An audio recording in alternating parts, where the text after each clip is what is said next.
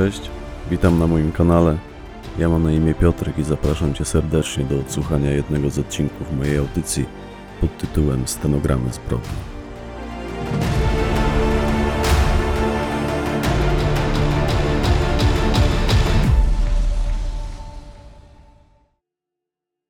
Lipkę. Bonus. Alternatywne zakończenie serialu w głębi lasu. Utraciłem dziś wszelką nadzieję, Izabelo, powiedziałem, odkładając na biurko szklankę z whisky. Podniosłem wzrok i spojrzałem mojej asystentce w oczy. Dotarło wtedy do mnie, jak rzadko zwracałem się do niej, używając jej pełnego imienia. Co masz na myśli? spytała. Obróciła się ona w proch w momencie, gdy zapoznałem się z wynikami badań stwierdzającymi, że DNA zamordowanego mężczyzny z blizną na ramieniu nie pokrywa się z kodem genetycznym Bożeny Pyrkowskiej. Iza wyprostowała się w fotelu. Więc jeśli to nie Artur leży w kostnicy, to kto? No cóż, na to pytanie będą musieli znaleźć odpowiedź śledczy. Niech inspektor York się tym zajmie. Powinien rozwikłać tę zagadkę, o ile choć w połowie jest tak przebiegły, na jakiego pozuje. Dla mnie ten temat jest zamknięty, mam obecnie masę innych problemów. Wciąż najwięcej przysparza mi ich Dunaj Szafrański. Rozumiem, że chroni własnego syna, lecz nie mogę pozwolić, by odbywało się to moim kosztem. Ja też muszę dbać o przyszłość swojego dziecka, dodałem ponownie sięgając po szklankę. Natychmiast też podeszła do mnie Iza i wyciągnęła po nią rękę. Posłusznie jej ją oddałem, a ona postawiła ją na przeciwległym do mnie końcu biurka. O dziwo nie miałem jej tego za złe. Widocznie miałem mniejszą ochotę na sponiewieranie się, niż mi się wydawało. Nie martw się, powiedziała, siadając z powrotem w fotelu. Na jutrzejszą wokandę trafi zdobyty przez nas film z nagraniem gwałtu na naszej klientce. Definitywnie pogrąży jego syna. Dalsze jego ataki na ciebie staną się zbyteczne. Pragnę ujrzeć jego minę, gdy to nastąpi. Na szczęście, wbrew temu, co mu się wydaje, nie ma czym mi grozić. Wszystko, co miało mnie pogrążyć, jest wyssane z palca. Mimo afery z fundacją nie można mi niczego zarzucić. A moja szwagierka? No cóż, musi radzić sobie sama. Wychodzę z założenia, że każdemu przyjdzie kiedyś zapłacić za błędy. Jesteś pewien, że nikt się nie dowie, iż próbkę DNA matki Artura zdobyłeś bezprawnie? Raczej nikt. Laura przyrzekła, że zachowa ten fakt w tajemnicy. W innym razie wszystkiemu zaprzeczę. Nie mogę zaprzepaścić kariery. Bardzo kocham swoją siostrę, ale jak już powiedziałem, najważniejsza jest teraz dla mnie przyszłość mojej córki. Lubię twoją córkę. I ona bardzo lubi ciebie. Urwałem, by chwilę później dodać. Niewielkie pocieszenie w tym wszystkim stanowi dla mnie fakt, że ojciec Laury zdecydował się wyznać, iż moja matka żyje i ma się dobrze. Bałem się bowiem, że to jej szkielet odnaleziono w okolicy Kochanowa. Na szczęście moje obawy się nie potwierdziły. Jestem wdzięczny Goldsteinowi za to, że pokazał mi listy od niej. Dzięki temu część zalegającego mi na sercu ciężaru jakby zniknęła. Czuję się dziś lżejszy o temat mojej matki. Cieszę się, że na nowo ułożyła sobie życie. Mam zamiar uszanować jej wolę i nie podejmę próby skontaktowania się z nią. A ja się cieszę, że tak rozsądnie do tego podchodzisz. Niestety, w ostatnim czasie po raz kolejny nabrałem ogromnej nadziei na to, że wreszcie dowiem się, co się stało z moją siostrą. Jak już wspominałem, dziś legła ona w gruzach. Mimo wszystko uważam, że nie powinieneś jej tracić. Nadzieja, westchnąłem. Jedyną nadzieją, jaką dziś mam, jest ta, która każe mi wierzyć, że już wkrótce przycichnie afera związana z fundacją. Szafrański niebotycznie ją rozdmuchał. Czuję się tym bardzo zmęczony. Nie przejmuj się, jutro będziesz święcić triumfy. Zobaczysz, powiedziała Iza i zamilkła. Przez dłuższą chwilę oboje milczeliśmy. Potem powiedziałem coś, co od dawna chodziło mi po głowie. Coraz bardziej skłaniam się ku teorii, że to Malczak jest odpowiedzialny za zaginięcie Artura i Kamili. Teorii, w którą zdążyli już uwierzyć wszyscy poza mną. Może jednak zechce kiedyś przyznać się również do tej zbrodni, jak myślisz? twoja siostra z pewnością się odnajdzie, cała i zdrowa, usłyszałem. Pokiwałem głową i spojrzałem na zegarek. Dobra, na dziś wystarczy, oznajmiłem. Powinienem już położyć się spać, jutro czeka nas ciężki dzień. Może cię odwiozę, sporo wypiłeś. Dziękuję za troskę, ale nie trzeba. Wezmę taksówkę, odparłem, podnosząc się z fotela. Zdjąłem z jego oparcia marynarkę i skierowałem się do drzwi. Dziękuję za twoje wsparcie, Izabelo. Padło z moich ust, gdy chwytałem za klamkę. Przecież zawsze cię wspierałam. Wiem, ale teraz jest to dla mnie szczególnie ważne. Spojrzałem na leżące przede mną na stoliku puste opakowanie po tabletkach przeciwbólowych.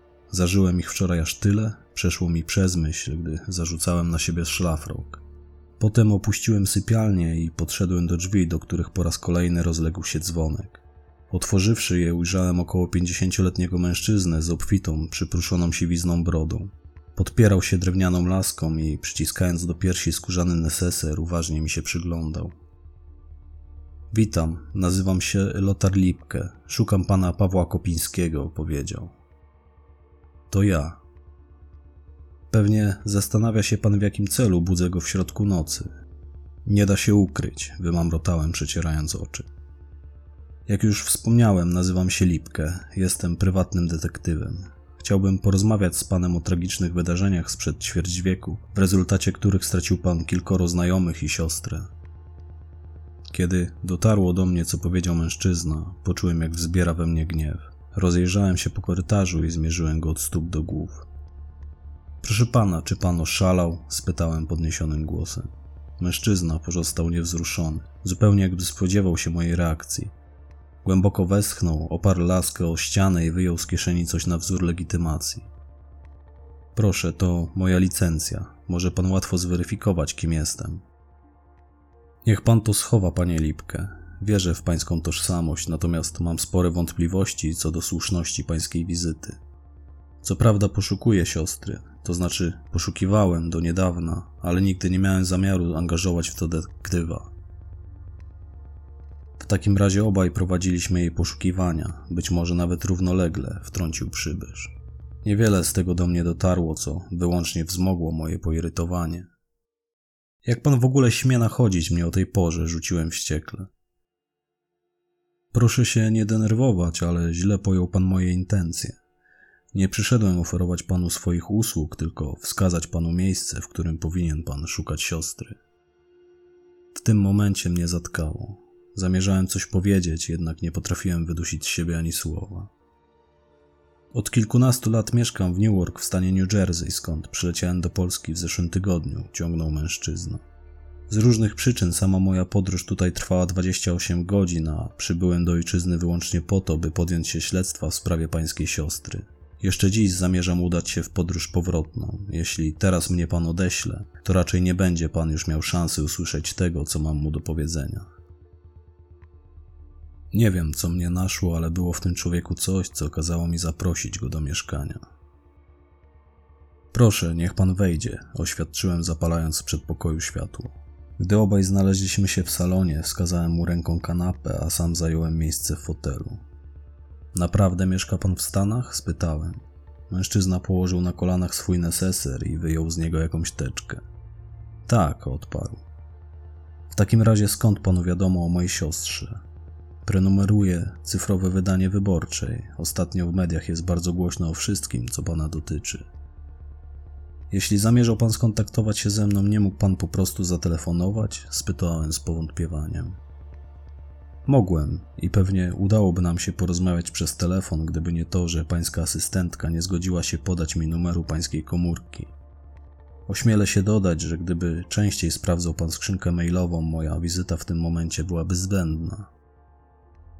Faktycznie, dawno nie sprawdzałem poczty, przyznałem. Mężczyzna otworzył swoją teczkę i wyjął z niej jakieś kartki. Myślę, że jestem panu winien kolejną porcję wyjaśnień, ale postaram się udzielić ich panu przechodząc od razu do sedna. Zamieniam się w słuch. Pozwoli pan więc, że coś panu przeczytam. Wzruszyłem ramionami. Byle szybko, rzuciłem. Wciąż zamierzam się dziś wyspać. Mężczyzna założył okulary, przywrócił kilka zalegających na jego udach kartek i zaczął czytać. Tadeusz był kierowcą w tej samej fabryce porcelany w Szydłowcu, w której pracowałam jako dekoratorka. Rozwoził służbową nysą misy, wazy i talerze do licznych hurtowni w całym kraju. Było 7 lat starszy ode mnie, już wtedy był też bezdzietnym rozwodnikiem. Nigdy nie stronił od przelotnych znajomości z kobietami. Ja wtedy oczywiście nic o tym nie wiedziałam. W fabryce pracowałam dopiero od kilku tygodni, choć mogłam się tego domyśleć, widując go chociażby z Krystyną, która wśród męskiej części załogi nosiła miano frywolnej krychy. W towarzystwie krążyły o niej istne legendy. Jedna z nich mówiła, że wybierający się na spotkanie z nią skąpo obdarzony przez naturę kawaler, jeśli koniecznie zamierzał jej dogodzić, powinien był zabrać ze sobą łyżkę do butów. Wiem, że nie powinnam mówić w sądzie takich rzeczy, ale na szczęście tej i podobnych historii nikt normalny nie traktował poważnie. Muszę przyznać, że z Tadeuszem mieliśmy się ku sobie od dawna. Zwyczajnie się sobie podobaliśmy. Mijając się na terenie fabryki, często wymienialiśmy zaczepne spojrzenia, jednak wciąż nie mieliśmy okazji bliżej się poznać. Wtedy jeszcze mieszkałam z rodzicami w małym domku w miejscowości Budki pod Szydłowcem, skąd do pracy dojeżdżałam PKS-em. Tamtego pamiętnego dla mnie dnia skończyłam właśnie nocną zmianę i widząc przygotowującego się do wyjazdu Tadeusza, zagaiłam go o możliwość podwiezienia. Zgodził się bez wahania. Akurat wybierał się z porcelaną do Radomia, więc było mu niejako po drodze. Stwierdził, że dla mnie jest gotów przejechać kilka dodatkowych kilometrów. Umówiliśmy się pod bramą fabryki, nieopodal pawilonu z połem, do którego udał się jeszcze po butelkę żytniej. Spod sklepu wyruszyliśmy nie bez problemów. Wysłużony silnik Nysy odpalił za którymś tam razem. Na szczęście, ku radości nas obojga, rozmowa w czasie jazdy mocno nam się kleiła. Po przejechaniu kilku kilometrów Nysa zatrzymała się w przydrożnym lesie nieopodal Aleksandrowa. Tadeusz pod pretekstem opróżnienia pęcherza za najbliższym drzewem w pośpiechu opuścił kabinę. Po powrocie na przykręconej do deski rozdzielczej prowizorycznej drewnianej półce postawił wyjętą ze schowka butelkę wódki i lepiący się od brudu kieliszek. Wyjął też ze swojej torby dwie butelki czerwonej, mocno gazowanej oranżady, którą miał w zwyczaju podbierać z zakładowej stołówki. Cóż więcej mogę powiedzieć, wysoki sądzie? Oczarował mnie i uległam mu wtedy. I tym sposobem przyszedł na świat nasz syn Grzegorz. Później, ze względu na jego dobro, a w szczególności po to, by zamknąć ludziom usta, bo wie wysoki sąd, jacy są ludzie, Tadeusz zgodził się wyprowadzić z Szydłowca i zamieszkać z nami w domu moich rodziców na wsi. Niestety od samego początku niechętnie podejmował się nowej roli, a jego hulaszczy tryb życia szybko dał się nam wszystkim mocno we znaki. Każdego miesiąca w dniu wypłaty znikał jak kamfora, by po kilku dniach pojawić się we wsi z pustymi kieszeniami. Nie poczuwał się do roli ojca, nie istniały dla niego żadne obowiązki. Strofowany przeze mnie i moich rodziców wywoływał awantury, po których znikał na kolejne dni. Na szczęście posiadam silny instynkt macierzyński i od pierwszych chwil dbałam o syna na tyle, na ile mogłam. Bez reszty poświęciłam się jego wychowaniu. Pomagali mi w tym schorowani rodzice, którzy z trudem pogodzili się z zaistniałą sytuacją. Grześ rósł jak na drożdżach i rzadko chorował. Szybko zaczął chodzić i mówić, był ciekaw otaczającego go świata. Być może miałby szansę na normalne dzieciństwo, gdyby nie postępująca choroba alkoholowa ojca. Czasami udawało mi się wygrzebać z cuchnących ubrań Tadeusza jakieś pieniądze, lecz zwykle były to tylko drobne kwoty. Zresztą wiele nie zarabiał, a tym co miał niechętnie się dzielił. W naszym starym domu, w którym nigdy się nie przelewało, zapanowała jeszcze większa bieda, gdy w 1992 roku pod pretekstem redukcji etatów bezceremonialnie zwolniono nas z pracy. Innej w tym czasie i w tej okolicy nie sposób było znaleźć. W latach 90. po kolei upadały okoliczne przedsiębiorstwa i zakłady przemysłowe. Niewielkie emerytury moich rodziców, na których utrzymaniu od tej pory pozostawaliśmy, na długo nie starczały. Nasza sytuacja materialna była fatalna, a wiecznie goły i wesoły Tadeusz staczał się na dno, ciągnąc nas wszystkich za sobą. Od tamtej pory pił już bezustannie i stał się każdemu jeszcze bardziej obcy. Czasami imał się dorywczych prac, a zarobione w ten sposób pieniądze przeznaczał wyłącznie na alkohol i spłatę zaciągniętych w okolicy długów. We wsi na stałe przylgnęła do niego opinia degenerata. Zgorzkniały i sfrustrowany, z czasem stał się też agresywny. Coraz częściej bez powodu znęcał się nad nami i za urojone w swoim pijackim umyśle przewinienia bił Grzesia wyrwanym z prodiża kablem, ewentualnie skakanką. Zdarzało się, że pod moją nieobecność przypalał go papierosami. Nie raz i nie dwa wdałam się z Tadeuszem w bójkę, stając w jego obronie. Nasz syn dorastał w atmosferze ciągłego zagrożenia, wiecznie czujny, spięty, gotowy na ojcowski cios. Wracając ze szkoły, niechętnie przekraczał próg własnego domu, gdzie codziennie zmuszony był słuchać przekleństw i wyzwisk. Patrząc na moje wiecznie zapłakane oczy, nabawił się nerwowych tików, do krwi obgryzał paznokcie. Sytuacja stała się jeszcze bardziej beznadziejna, wysoki sądzie, gdy utraciłam wzrok na skutek choroby zawodowej ołowicy. Farby, którymi dekorowałyśmy porcelanę, zawierały ołów, a my pracowałyśmy bez maseczek. Na dodatek zwilżałyśmy pędzelki ustami, by farba lepiej się rozprowadzała.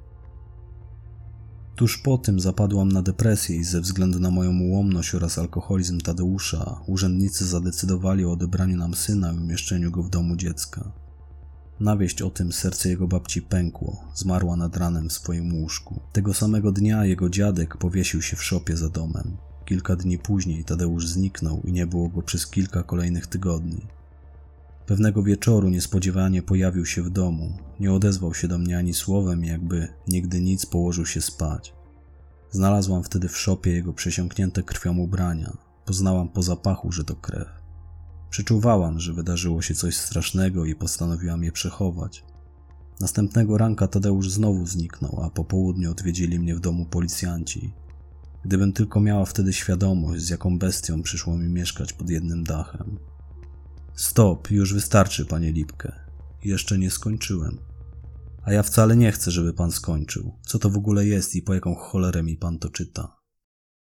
To fragment stenogramu z wokandy, która miała miejsce w 1997 roku, a były to słowa świadka Zuzanny Radaszkiewicz. Wciąż żyje i mieszka w tym samym miejscu. Kilka dni temu udało mi się z nią spotkać. Do diabła, co to ma wspólnego z moją siostrą? Ma i to całkiem sporo. Otóż konkubent tej kobiety, niejaki Tadeusz Styc, 37 miesięcy po feralnych dla pana wydarzeniach zaatakował młodą kobietę. W lesie, w pobliżu Kochanowa, po drugiej stronie jeziora. Został spłuszony, gdy starał się ukryć ciało dyszące jeszcze wtedy ofiary. Ona sama wybrała się na grzyby ze znajomymi. Została potem przez nich odnaleziona i zanim wydała z siebie ostatnie tchnienie, zdołała opisać napastnika. Skąd pan to wszystko wie? Skąd ma pan ten stenogram? To ja jestem człowiekiem, który wtedy schwytał i udowodnił Stycowi winę. Pan? Tak. W latach 90. byłem funkcjonariuszem Wydziału Zabójstw Komisariatu Miejskiego Policji w Radomiu. Ta sprawa trafiła wtedy w moje ręce. To było moje pierwsze dochodzenie podczas służby w tym komisariacie i jakby też ostatnie. Tuż po wyroku, który otrzymał wstyd, zostałem wydalony ze służby. Niestety nie posiadałem wtedy żadnej wiedzy o wcześniejszej tragedii, którą pana dotknęła. Być może dlatego, że rzekomego jej sprawcę dość szybko ujęto i skazano, a dochodzenie uznano za zamknięte. Niestety Styc nie trafił do więzienia, a do zakładu dla psychicznie chorych. Dzięki koneksjom brata, wysoko postawionego urzędnika, po półtora roku wyszedł na wolność. O ile Wojciech Malczak faktycznie był maniakiem i mordował, a do jego skazania przyczynił się pan, panie Pawle, to moim zdaniem zbrodni w Kochanowie dopuścił się Styc, a Malczakowi zwyczajnie przypisano ją do równego rachunku. Skąd ta pewność? Oprócz wspólnego narzędzia, obrażeń i miejsca, obie zbrodnie charakteryzuje jeszcze coś, co wskazuje właśnie na jego udział. Co takiego? Przez wiele lat był on w posiadaniu poloneza. Świadkowie twierdzą, że stale się nim poruszał. Wy też trafiliście wtedy na pozostawionego w lesie poloneza, prawda? Tak. Jego wrak w dalszym ciągu niszczeje na policyjnym parkingu w Radomiu. Kilka dni temu po raz kolejny pobrałem z niego ślady biologiczne. W przeszłości poprzestaliśmy na tym, że znaleźliśmy w nim krew ofiary.